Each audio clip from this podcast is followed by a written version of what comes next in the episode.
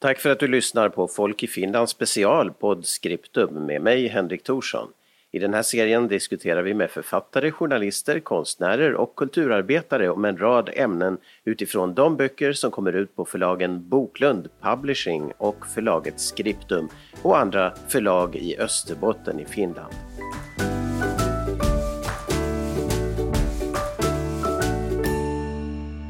Välkommen till det här avsnittet av podd Skriptum. Eh, och idag så ska vi få tala med författaren Åsa Stenvall. Hon har nyligen kommit ut med boken Ta plats om skrivande, hemhörighet och sökande efter jagets källor. Och många eh, känner säkert eh, Åsa från att eh, ha deltagit i skrivarkurser. Hon kanske är den som haft Eh, författarkurser eh, mest av alla, skulle jag gissa, i alla fall på svenska i Finland. Välkommen med i Podscriptum, Åsa. Tack ska du ha. Ja, ta plats då. Det är ju en essäsamling. Du har skrivit essäer förut. Hur ska man beskriva den här boken? Ja, om vi börjar med, med eh, titeln som ju är kort och kraftig och som kan ge olika associationer så så är, ja. är min tanke den att eh, ta plats eh, handlar eh, om att helt enkelt ta plats i skrivandet med ett eget mm. jag. vilket inte kanske alltid är det lättaste när man börjar skriva. För den här boken, i den här boken så undersöker jag och, och, och låter läsaren bli bekant dels med professionella författare som har gett ut böcker om, med, med eh, anknytning till sin egen uppväxt eller barndom. Men jag funderar också kring det här med att eh, börja skriva om sitt liv, att, att, att inte vara så att säga en, en, en, en eh, professionell skribent, men, men ta de där första stegen att hitta en berättelse om sitt eget liv. Det är bland annat det som den här boken handlar om. Ja, och de eh, författare som du så att säga dyker ner i deras författarskap, vilka är det då som finns med här? Som ja, det är Peter Sandström, känd eh, roman och novellförfattare här i svensk Finland. Det är Raul J. Granqvist som ju egentligen är akademiker men som gav ut en, en väldigt intressant bok om sin pappa som heter Min österbottniske far som utkom på Skriptum för ett antal år sedan. Eh, och sen har jag eh, dykt ner i Katarina Gripenbergs poetiska värld. Hon är ju poet, bosatt sedan länge utomlands. Eh, Karin Erlandsson, bosatt numera på Åland, men med rötter i Nykarleby. Hon eh, debuterade med en roman som hette Minkriket och, och, den var väldigt intressant att, att, att um, titta närmare på för mig. Jo, eh, jag, jag, skulle säga bara det att, att det är då inte bara österbottniska författare jag, jag har eh, eh, bekantat mig med utan också mera internationella. Bland annat eh, en fransk kvinnlig författare som heter Nathalie Sarut som äh, har gett ut en, en, en bok om sin barndom Sen Vladimir Nabokov, han som den rysk-amerikanske författaren som ju blev berömd med Lolita på 50-talet.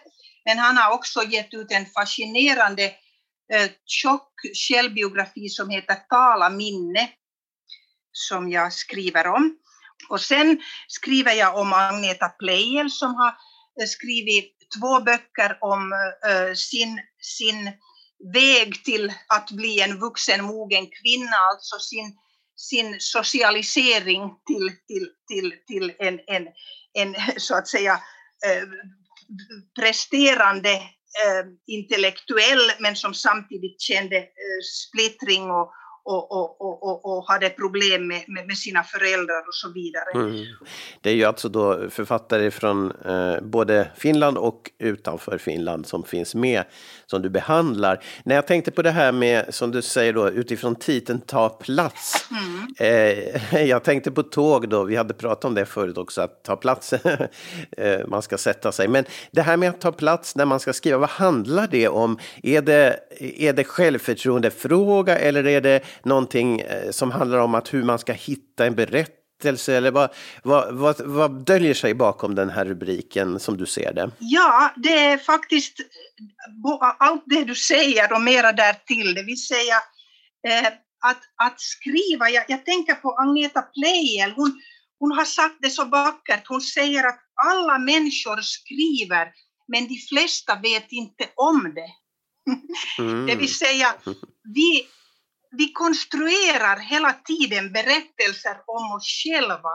I oss, i vår hjärna, i, i vårt sinne pågår ständigt ett slags berättande för att det, det ligger tydligen så djupt i människan detta att vi måste på något, på något sätt försöka förstå sammanhang, mening, hitta ett mönster. Och det är ju långt ifrån mm. alla som kommer så långt att de sätter ner ord på papper. Men den som gör det så äh, beger sig faktiskt ut på en ganska spännande resa och därför är det inte så konstigt att jag också har, har valt att, att få, få in på pärmen helt enkelt bilden av järnvägsspår för att jag tycker att skrivande kan man också se som ett slags resa. Och, och det här med att ta plats så där tänker jag att en sak är hur vi muntligt berättar eller hur vi tänker inombords. Men vad händer mm. då när man ska eh, så att säga skriftliggöra det som eh, sker inombords eller det handlar om att ta fram och vaska fram minnen. Och där eh, är det jättespännande att fundera kring dels, och det gör jag i boken, dels vad är minnen egentligen? Minnen mm. är, är ju skärvor, fragment av, av det förgångna. Men vi kan väl aldrig riktigt nå den fullständiga sanningen om det förflutna och det är ju inte heller meningen tänker jag. Mm. Utan var och mm. en har ju sina egna minnesbilder, sin egen uppfattning och sitt eget sätt att se på det förflutna och på, på sina minnen. Och det vet vi ju att till exempel i en familj så kan ju syskon Ehm, har väldigt olika minnen av sina föräldrar till exempel, eller vad som hade hänt i det förgångna och så vidare. Och, och, och där tänker jag att om det handlar om svåra och kanske traumatiska barndomsminnen eller, eller sånt som har hänt i livet, så kan det vara, en, kan det vara ganska svårt att, att liksom närma sig det här och, och, ha tilltro till, eller att våga se det i ögonen, hitta ord för det som har hänt, eh, ha tilliten till och, och modet också att, att verbalisera saker.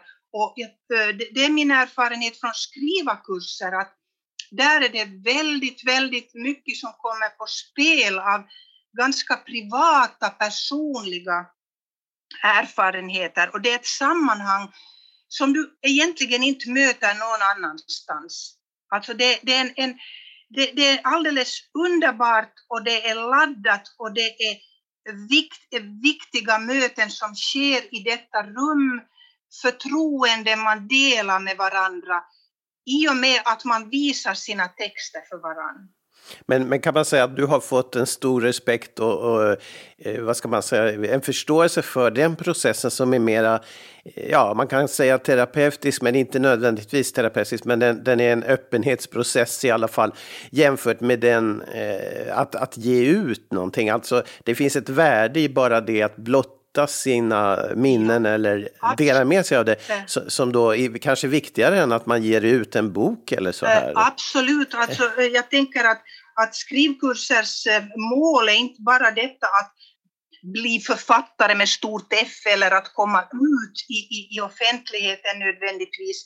De här att skriva om sitt liv-kurserna, där är deltagare ofta intresserade dels då att, att få ord till pappers och, och, och, och, och hitta den här berättelsen och gå vidare, men kanske också eh, föra den vidare till sina barn eh, och, och, sina närmaste, mm. men då kan det handla om att man, man ger ut eller publicerar sin bok enbart för den gruppen och inte för offentligheten. Men visst händer det att folk också går vidare och till och med har kommit ut på förlag och så vidare med, med, med sitt arbete.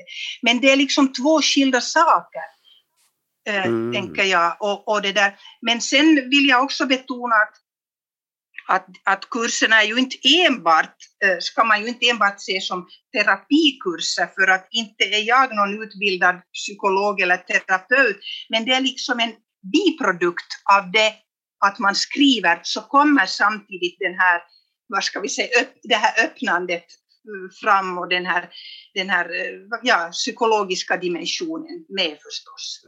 För då tänker jag att det kan vara andra eh, knep och, och vad ska jag säga, råd man ska ge till den typen av författare som mera ska komma åt det för en snävare krets eller bara komma åt det och få det att bli levande på pappret än den som ska ge ut för att nå en stor publik? Eller är det helt samma eh, vad ska man säga, ska man lära sig samma saker i båda fallen? Ja, det är klart att, att alltså det handlar ju förstås om hantverket, om att bli allt säkrare på sitt eget tonfall, sin egen röst, sitt eget språk. Mm. Det är klart, det gäller mm. ju i alla, all, all, allt skrivande givetvis. Eh, men sen på de här kurserna, att skriva om sitt liv-kurserna, där arbetar vi ju mycket med flödestexter med korta eh, övningar som liksom, hur ska jag säga, sänker ribban eller gör att det blir lättare mm. att, att, att nå uh, dit, dit man vill med hjälp just till exempel av, av, eh, av minnes, minnesbilder eller det kan handla om sinnesövningar och så vidare som givetvis kan appliceras mm. också på annat skrivande. Och där har jag ju haft äh, stor hjälp också av, av, av, en massa handböcker för det har ju på senare, de senaste 20 åren har ju det har ju verkligen varit, varit en flod av äh, skrivkurs eller skrivhandböcker av olika slag som man kan ha glädje av, både med praktiska övningar och råd och sen också mera teoretiska verk som jag har använt på mina kurser. Ja, just det. Och eh, vad har du för eh, eh liksom känsla för det här med röst? För det är ju alltid intressant, eh, författarens röst eller min egen röst. Och det är svåra saker det där. Hur, hur, hur ser du på det och när, när, när kan du se att någon hittar det eller höra att någon hittar det? Vad, vad handlar det om för någonting? Ja, hör du, det är nog en, det är en intrikat fråga för det, det liksom bygger eh, hur ska jag säga, vi vet alla som har gått, eller alla som har gått på skrivkurs vet att efter några träffar så vet man nästan vem som har skrivit vilken text utan att namnet syns. För att vi på mm. något sätt har olika vår röst eller vår, vårt språk är färgat av vår personlighet.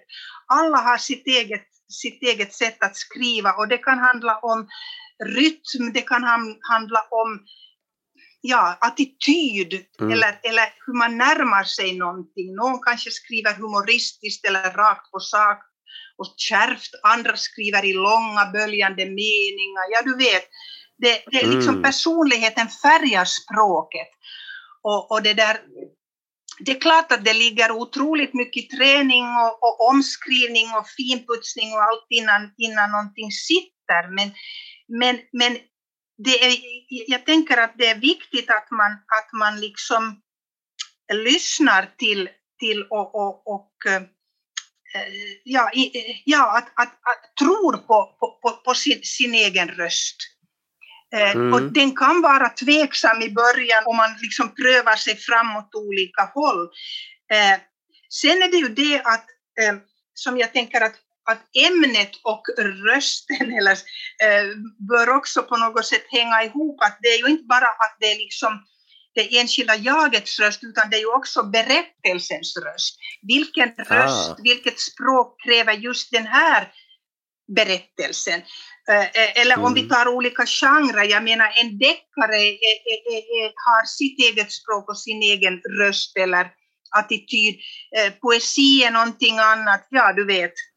Det, det, mm. det är liksom många, många faktorer som, som, som gör den slutliga rösten. Men, men det är det som är det spännande, att, att få följa med som, som skrivkursledare just den här processen, att, att, man, att någon hittar fram till till hur den vill skriva.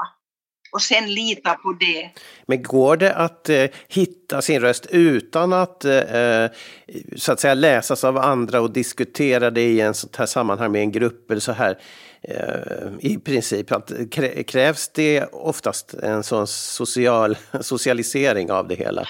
Ja, eh, alltså tittar vi tillbaka i litteraturhistorien så har ju författare genom tiderna inte gått på skrivkurs, så det är klart att de har hittat sin egen röst.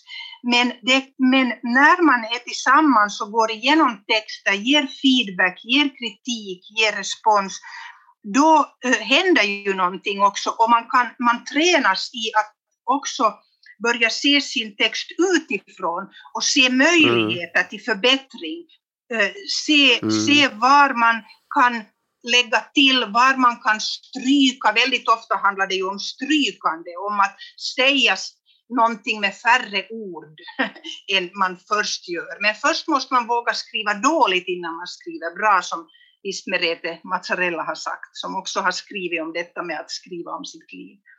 Den här boken tar plats då, den, där har du också eh, ett skrivande om sitt liv som absolut inte nödvändigtvis är riktat mot en publik, nämligen dagböcker. Det, det kommer du också in på i något skede. Jo, där. och det, det var ett um, intressant kapitel att, att skriva, nämligen det var så att min pappa dog 2012 och han lämnade efter sig, eller jag fick ärva 135 dagböcker skrivna Oj. under 70 år varje dag från det han var 14 tills någon vecka innan han dog som 84-åring.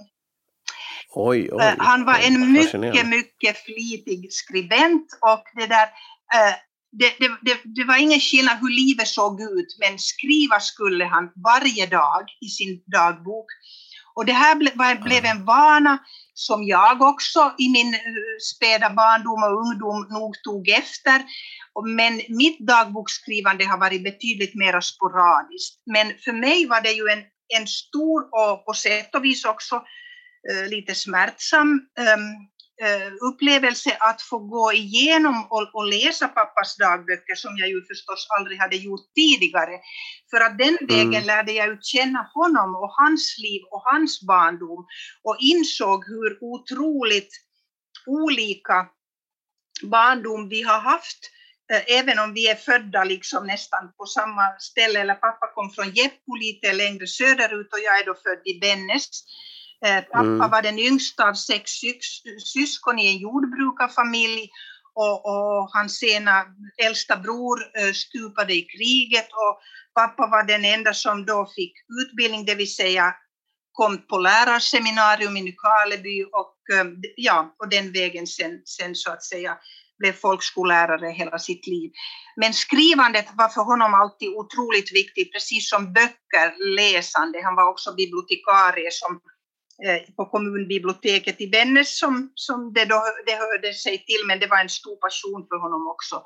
Så att vi har haft mm. det här med läsande och skrivande som en, ett gemensamt intresse. Eh, och, och, där i det kapitlet så funderar jag kring detta med vad är, vad är dagboksskrivande egentligen? Eh, man skriver ju för sig själv, det är en, en, någonting hemligt som ingen annan ska läsa. Men ändå mm. är det ju så att det kanske finns någon någon så att säga på ryggen eller bakom ryggen på en som säger hur man ska skriva eller att det möjligen en dag finns någon som kommer att läsa en. Och, och, det där. och i det här sammanhanget tar jag också upp det som har kallats bondedagbok, det vill säga eh, att, att eh, folket i icke-litterära miljöer också har skrivit dagbok, inte bara intellektuella eller, eller överklassen, utan det har också förekommit eh, bönder och drängar och torpare och fiskare och så vidare som har fört anteckningar om väder och vind. Men pappas mm. dagbok var ju, från början var den ju väldigt sådär fragmentarisk och, och konkret. Allting handlade om att arbeta från morgon till kväll på, jordbruk, på jordbruket tillsammans med, med, med, min farfar. Det var hårt fysiskt mm. arbete. Men så småningom, ju äldre han blir, så kommer ju egna tankar, egna eh, känslor, allt det här, alltså texten blir allt längre mm. och rikare och så vidare.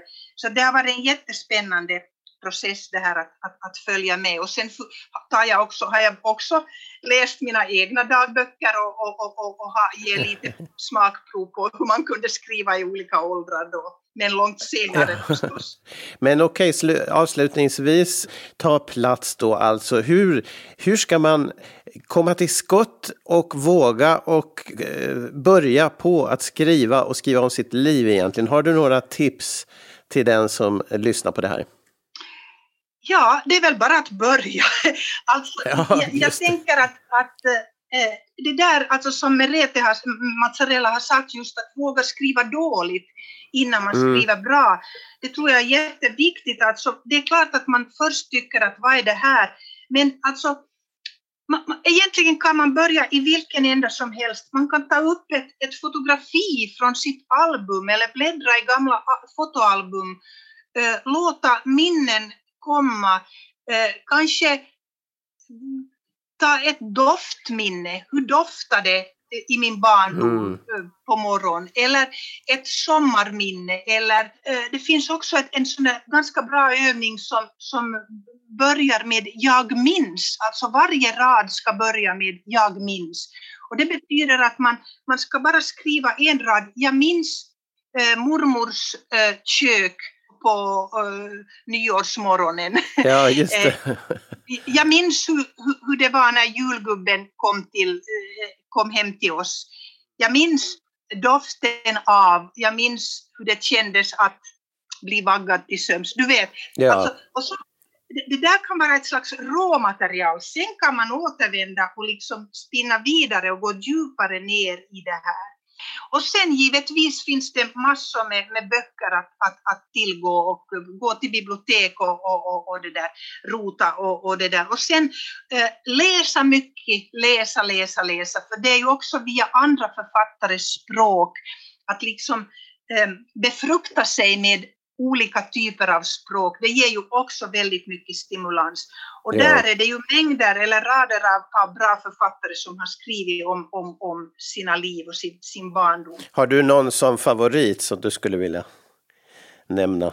No, ja, alltså Agneta Pleijels två böcker om, om, om, sin barndom, sin, som flicka och som ung kvinna blev jag väldigt tagen av när jag läste. Ja, som du också då berör i den här eh, boken Ta plats då. Ja, precis, precis. Mm. Det är bara ett av många, många exempel. Men, men, och sen också Vladimir Nabokovs Tala minne som, är, som har passager som är så otroligt vackra för att han skriver ju i dubbelmening om den förlorade barndomen eftersom revolutionen kom emellan och hela hans eh, familj fick fly och så vidare. Så att det, där, det, det är liksom ett Ryssland som han aldrig har kunnat återvända till och det är ju det, gör, det, det, det, det, det präglar hans språk, hans sätt att närma sig den här på något sätt skimrande barndomen som aldrig, aldrig kan återvända. Ja, just det. En av författarna som du behandlar i boken Ta plats som finns på boklund.fi. Där kan man beställa den. Och vad eh, ska du nu syssla med efter att du har kommit ut med den här boken då? Ja, no, just nu är jag, är jag nog så där i, i det här trevande stadiet eller sökande stadiet, så jag har inte riktigt, riktigt, jag vet det tar väldigt lång tid för mig mellan mina böcker, men jag, jag, jag behöver mycket liksom mognadstid innan jag, ja, okay. innan jag är, är, mogen för nästa bok. Men vi ska se vad det blir. Ja, okej. Okay. Ja, men tack så mycket för samtalet, Åsa, och lycka till. Tack ska du ha, och tack.